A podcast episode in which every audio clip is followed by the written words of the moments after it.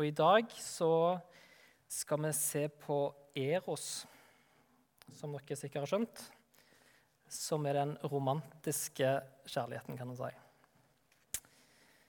Bare be litt før jeg begynner. Kjære far, takk for eh, at vi får lov til å samles her i Salem i kveld òg. Jeg ber om at det du har lagt på meg å dele, at eh, det som er ifra deg, fra ditt ord, det som er sant, at det må vokse fram og slå rot. At det du ikke ønsker å si i dag, at det må falle dødt. Jeg legger kvelden i dine hender. Amen. Eros, det er et gresk ord.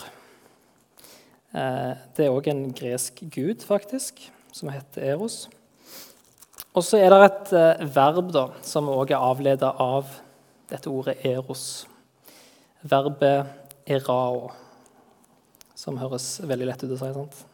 Gjør ikke noe mening. Eh, erao, som betyr å elske. Men da i en romantisk eller seksuell forstand.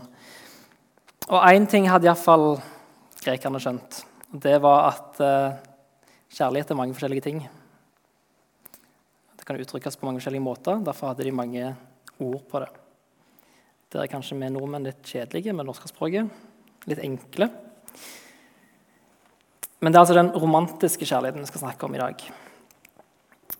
Og det må her understrekes at det ikke er snakk om sex i seg sjøl. Det er ikke bare det som er den romantiske seksuelle kjærligheten. Men sex er en del av det, og det, det er noe som lever innenfor rammene av Eros. Hvis det gir mening.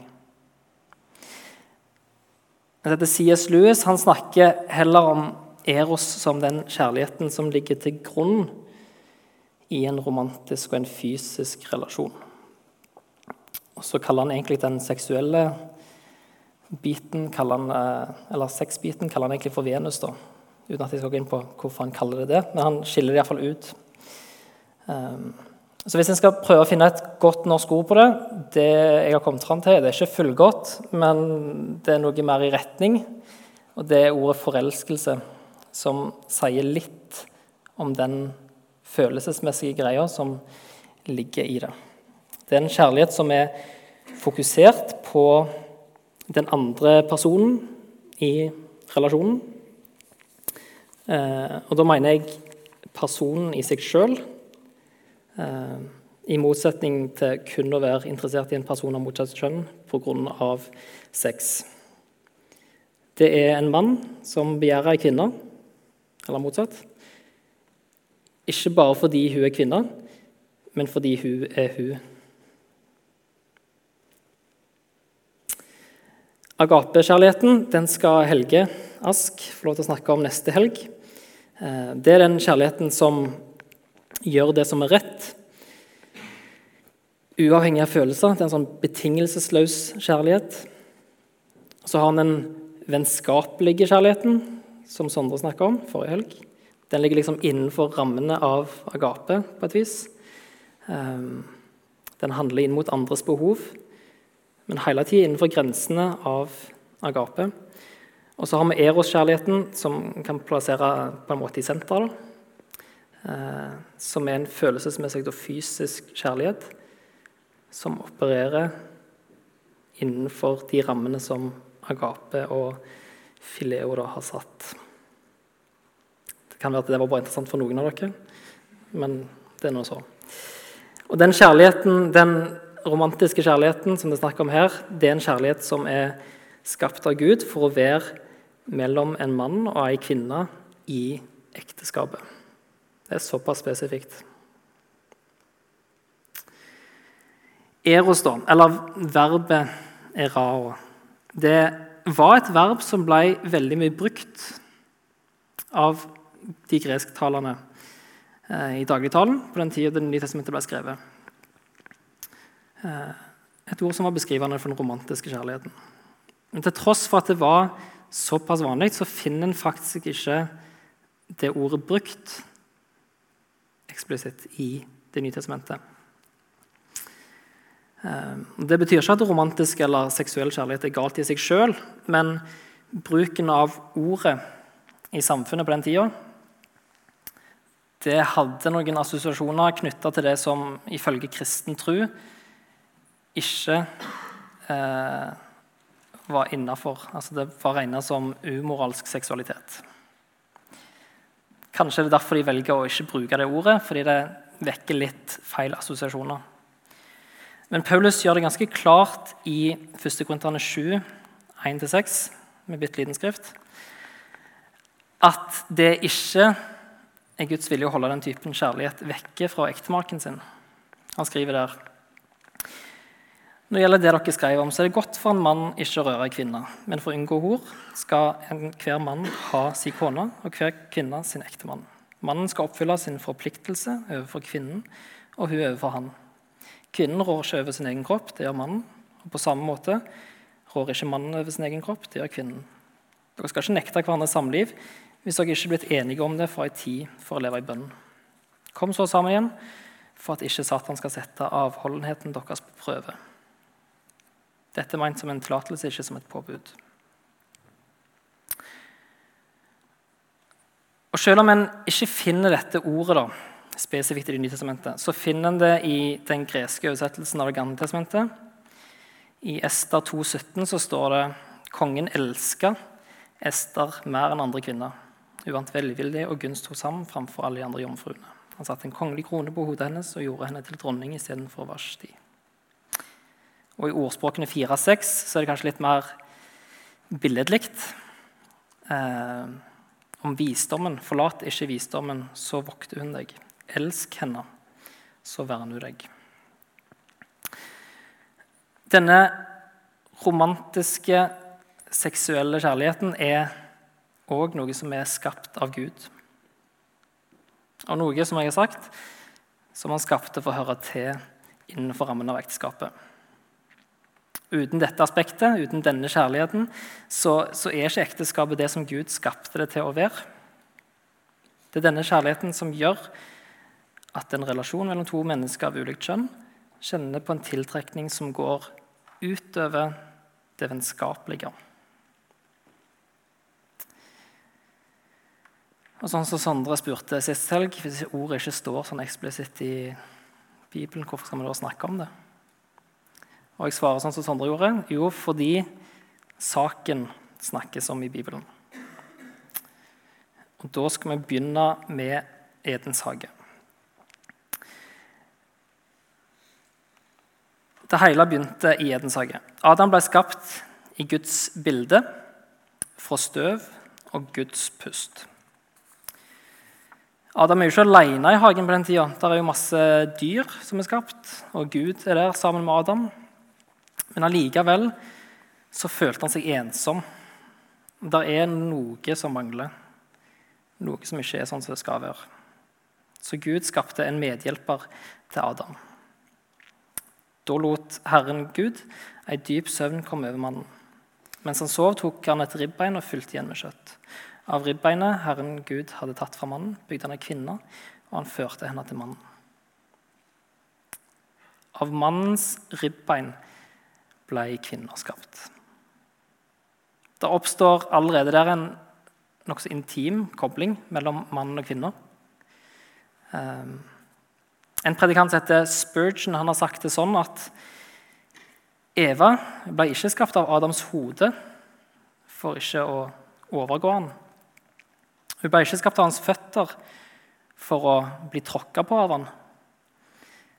Men hun ble skapt ifra hans side for å være likestilt med han. For under hans arm for å bli beskytta, og nært hans hjerte for å bli elska. Det er i hvert fall en poetisk fin måte å si det på, syns jeg. Um, Konklusjonen i dette kapittelet er følgende. Begge var nakne, både mann og kvinne, og de skamma seg ikke for hverandre. Adam og Eva var her i hagen eh, på sitt mest sårbare overfor hverandre. egentlig. En er ganske sårbar når en går rundt naken. Eh, men allikevel så, så, var det en harmoni over det hele. Det var godt. Og så vet vi jo at dette snudde da, i det neste kapittelet. Det er en slange som eh, kommer og frister Eva til å spise frukta fra treet. Eva spiser og gir det til mannen sin òg, til Adam. Og Det som er interessant, er at det første som indikerer at nå har det skjedd noe galt, eh, det er knytta til seksualiteten deres. De innser at de er nakne, og de dekker seg til med fikenblad. Så gjemmer de seg for Gud i hagen, og så kommer Gud og lurer på hva som har skjedd. Og så skylder Adam på Eva, Eva skylder på slangen. Ehm, og Gud forbanner slangen og kommer bl.a. med følgende beskjed til kvinna. Siste delen her. Du skal begjære din mann, og han skal herske over deg. Og Det er ulike tolkninger på akkurat dette, men den som virker mest logisk for meg, at dette begjæret her da, er et begjær etter å kontrollere mannen. Eva skal ha lyst til å kontrollere Adam, kvinnen skal ha lyst til å kontrollere mannen. Med andre ord altså Eva ønsker å kontrollere Adam, dominere han, men Adam vil kontre med å prøve å dominere henne. Og så går det sånn fram og tilbake. Og dette, Denne beretningen for skapelsen er en tråd som plukkes opp igjen i høysangen. Her òg er mannen og kvinna i en hage.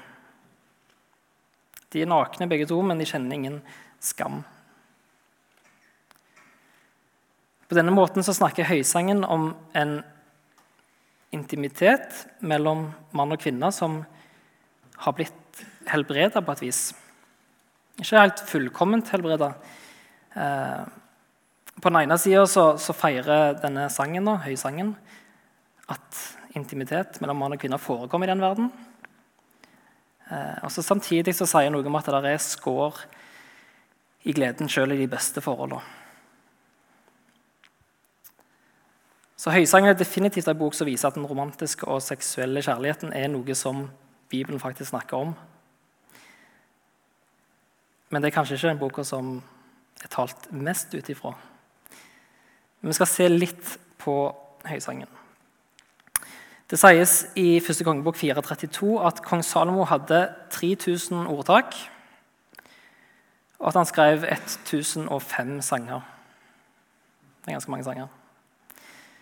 Og av de 1005 sangene som han skrev, så var det nettopp høysangen som Gud ville at skulle være med i Bibelen. Det var akkurat den som det har vært så mye kontrovers rundt. Den ville Gud at skulle være med i Bibelen. Så hva gjør ei bok som Høysangen i Bibelen, kan han spørre seg. Og Det er det mange som har lurt på. Ehm, det er kanskje ei vanskelig bok å forholde til, kanskje derfor det tales lite ut fra Høysangen. Men den står nå der, og Gud har valgt å gi den til oss. På den andre så kan en jo tenke seg å se for seg en bibel uten høysangen. Tror kanskje det kunne vært en stor fare for at seksualitet i større grad kunne blitt sett på med negative øyne i kirka. Kanskje. Men seksualitet det er en stor del av livet vårt. Eh, og Gud har gjennom høysangen talt til oss ord til oppmuntring, men òg ord for å advare oss om seksualiteten sin makt i våre liv. For det står det òg mye om. At vi vokter seg for denne, disse sterke følelsene. Høysangen er for det første en bok som sier noe om at menneskelig seksualitet er en del av skapelsen, fallet og forløsningen av menneskelige relasjoner. Gud skapte ekteskapet, som var så vidt innom i, i skapelsesberetninga. Men denne relasjonen ble skada av synd. Og Likevel så fremmer høysangen et løfte om helbredelse av denne relasjonen. Selv om en fullstendig harmoni, sånn som han hadde i Edens hage, det vil en ikke komme tilbake til. Eh, en vil ikke få den på denne jord. Men det er en forsmak. Og Det spiller også inn det faktum at gjennom hele Bibelen så er relasjonen til Gud beskrevet med ekteskapet som metafor eller bilde. Og som med, med, alle metaforer så må en være litt forsiktig med å ikke pushe fortolkninga for langt. og Grave seg ned i detaljer i vers, og så kan bli mye løye. Det kan bli mye forskjellig. Men vi lærer i Høysangen noe om den følelsesmessige intensiteten, intimiteten og eksklusiviteten ved vår relasjon med Gud. Og Det er i hovedsak disse to tolkningene Høysangen typisk har falt innenfor.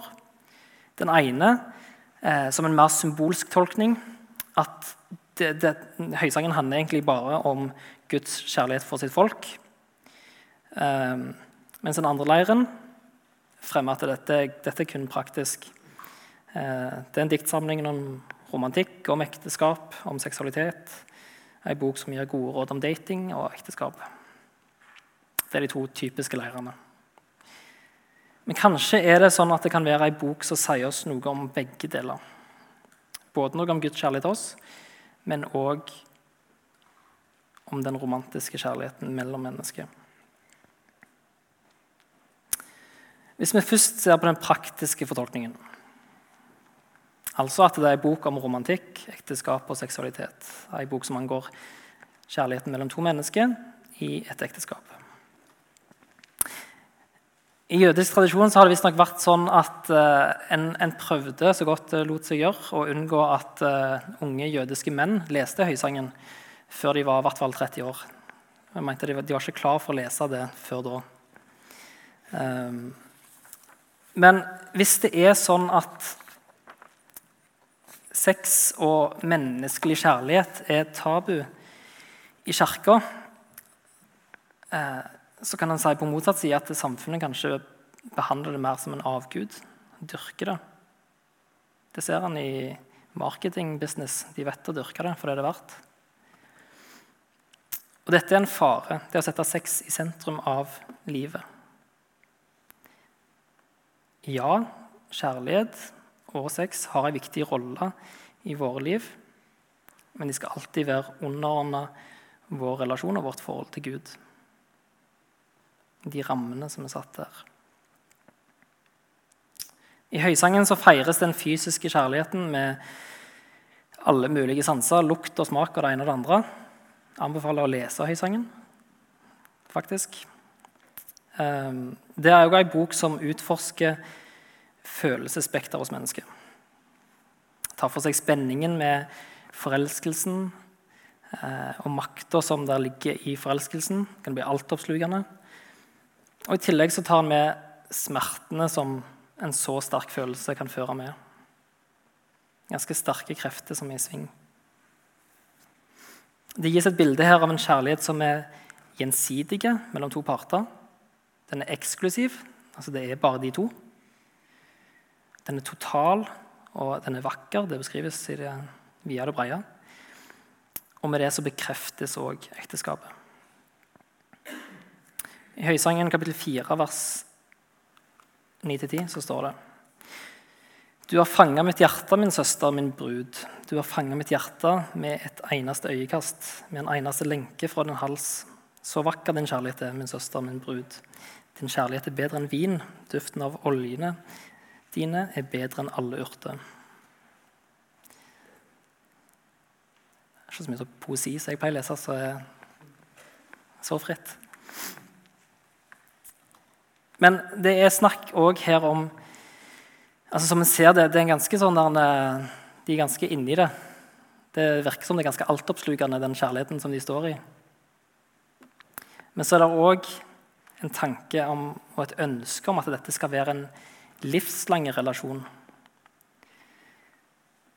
Sett meg som seil på ditt hjerte, et stempel på din arm. For kjærligheten er sterk som døden. Litenskapen er ubøyelig som dødsriket.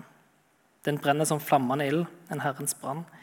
Veldige vann slukker ikke kjærligheten. Elver skiller den ikke bort. Om noen gir alt han eier for å kjøpe kjærlighet, møter han bare forakt. Det er kvinner her som snakker. Hun ønsker en forpliktende relasjon. Hun snakker om hjertet, hun snakker om hånd.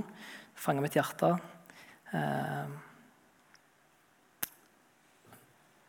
og det, det, er altså snakk om hele han du har lyst på. Ikke bare litt, men du ønsker hele denne mannen. En kjærlighetsrelasjon som er livslang, og som er like sterk som døden. Ingenting skal kunne skille de. Ingenting skal kunne slukke kjærligheten. Det er den relasjonen som ønskes. Det er ikke en sånn flyktig, kort relasjon. Og Ekteskapet er den mest intime relasjonen av alle menneskelige relasjoner en kan finne. Men Høysangen advarer oss òg, eh, oss som leser, at i møte med en så intens følelse som romantisk kjærlighet er, så er vi på vårt mest sårbare. En så intens følelse har sine farer òg. Uh, hun sier det på den måten. Styrk meg med rosinkake og forfrisk meg med eple, for jeg er syk av kjærlighet. Ja. Går det mye i rosinkake og eple? Men hun er, hun, er, hun er, syk av kjærlighet. Helt utslitt av kjærlighet. Hun er følelsesmessig og fysisk utmatta. Og Det sier noe om kjærlighetens makt, men òg noe om at uh, dette er ikke noe en skal tulle med. For Hun fortsetter òg to vers seinere med å si til Jerusalems døtre Jeg ber dere, Jerusalems døtre, ved gasellene eller ved hindene på marken. Uro ikke kjærligheten. Vekk han ikke før han sjøl vil. Altså til disse Jerusalems døtre da, som kanskje ser deres kjærlighetsforhold som er så flott og fint. Eh, de skulle kanskje ønske de hadde det sjøl.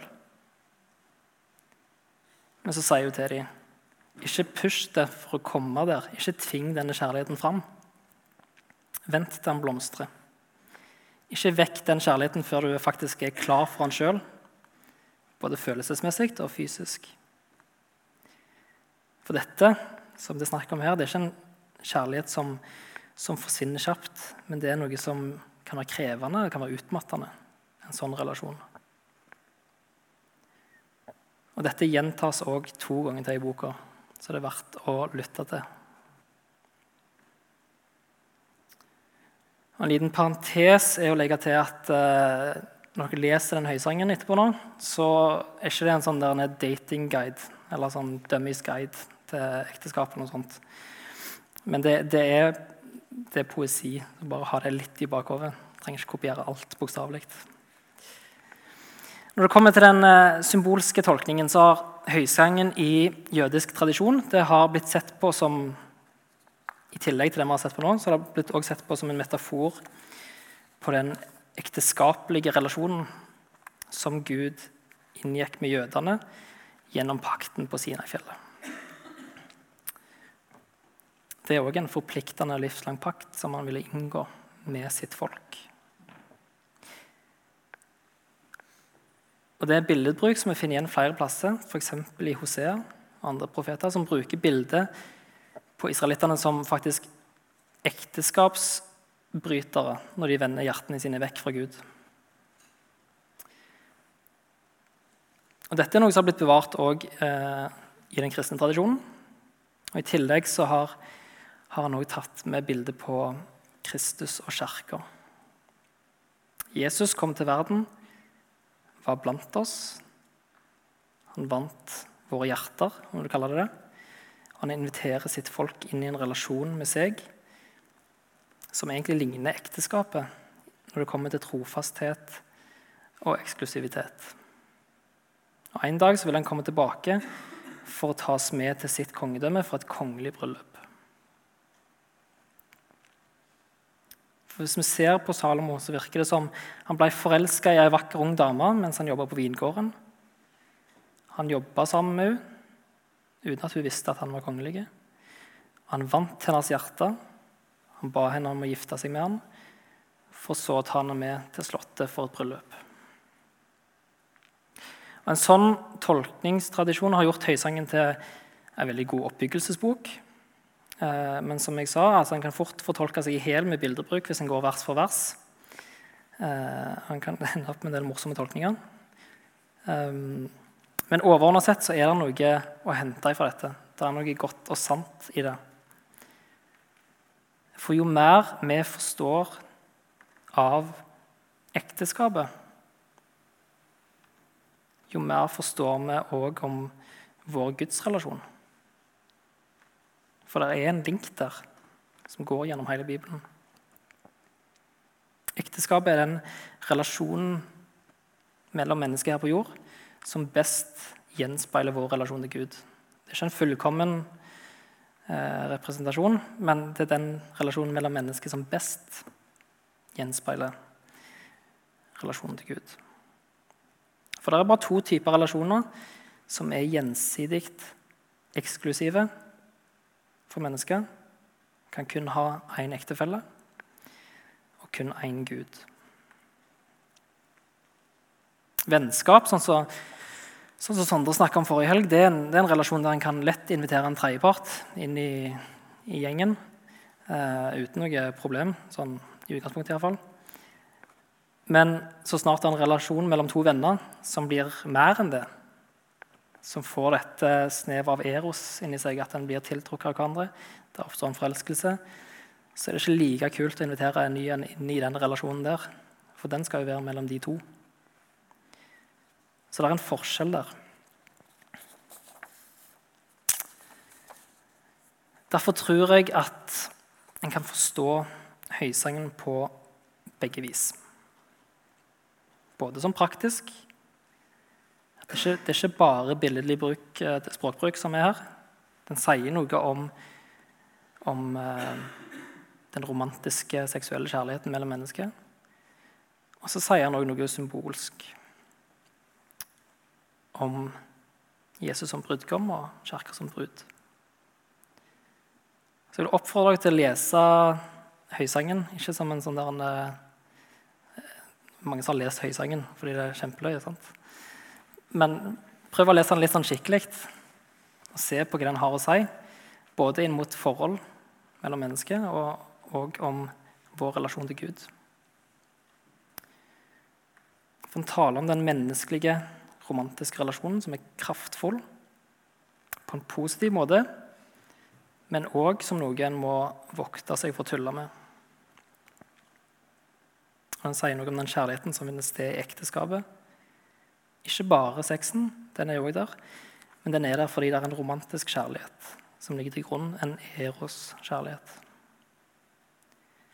Og Så sier det noe om vår relasjon til Jesus til brudgommen, at vi er invitert inn i en livslang relasjon med Gud som er eksklusiv.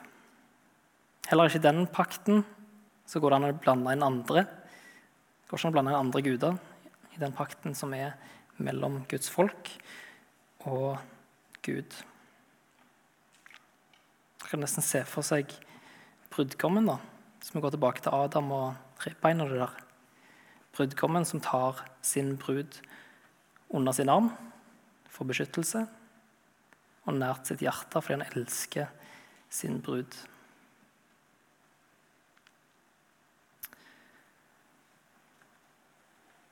Jeg håper dere har fått sett litt av det Bibelen sier om den romantiske kjærligheten. Det er mye mer som kunne blitt sagt, men jeg vil oppfordre dere som sagt, til å lese Høysangen. Ehm, det tar sju minutter. Det burde gå. Og eh, ta med dere det inn i livet mellom, mellom deg og kjæresten eller ektemannen eller din fremtidige kjæreste. Um, og se hva det taler til din relasjon til Gud. Jeg ber litt til slutt. Kjære far, takk for eh, Takk for at du har gitt oss Bibelen. Takk for at du valgte å og ha med høysangen der. Som kan si noe om disse sterke følelsene som er i sving. Eh, og som også kan tale noe om vår relasjon til deg. Jeg ber om at du må gi oss hjelp til å forstå det vi leser der. Forstå det som Bibelen i sin helhet taler om, om ekteskap, om den romantiske kjærligheten, om brudgommen og bruden. Ditt navn, Jesus. Amen.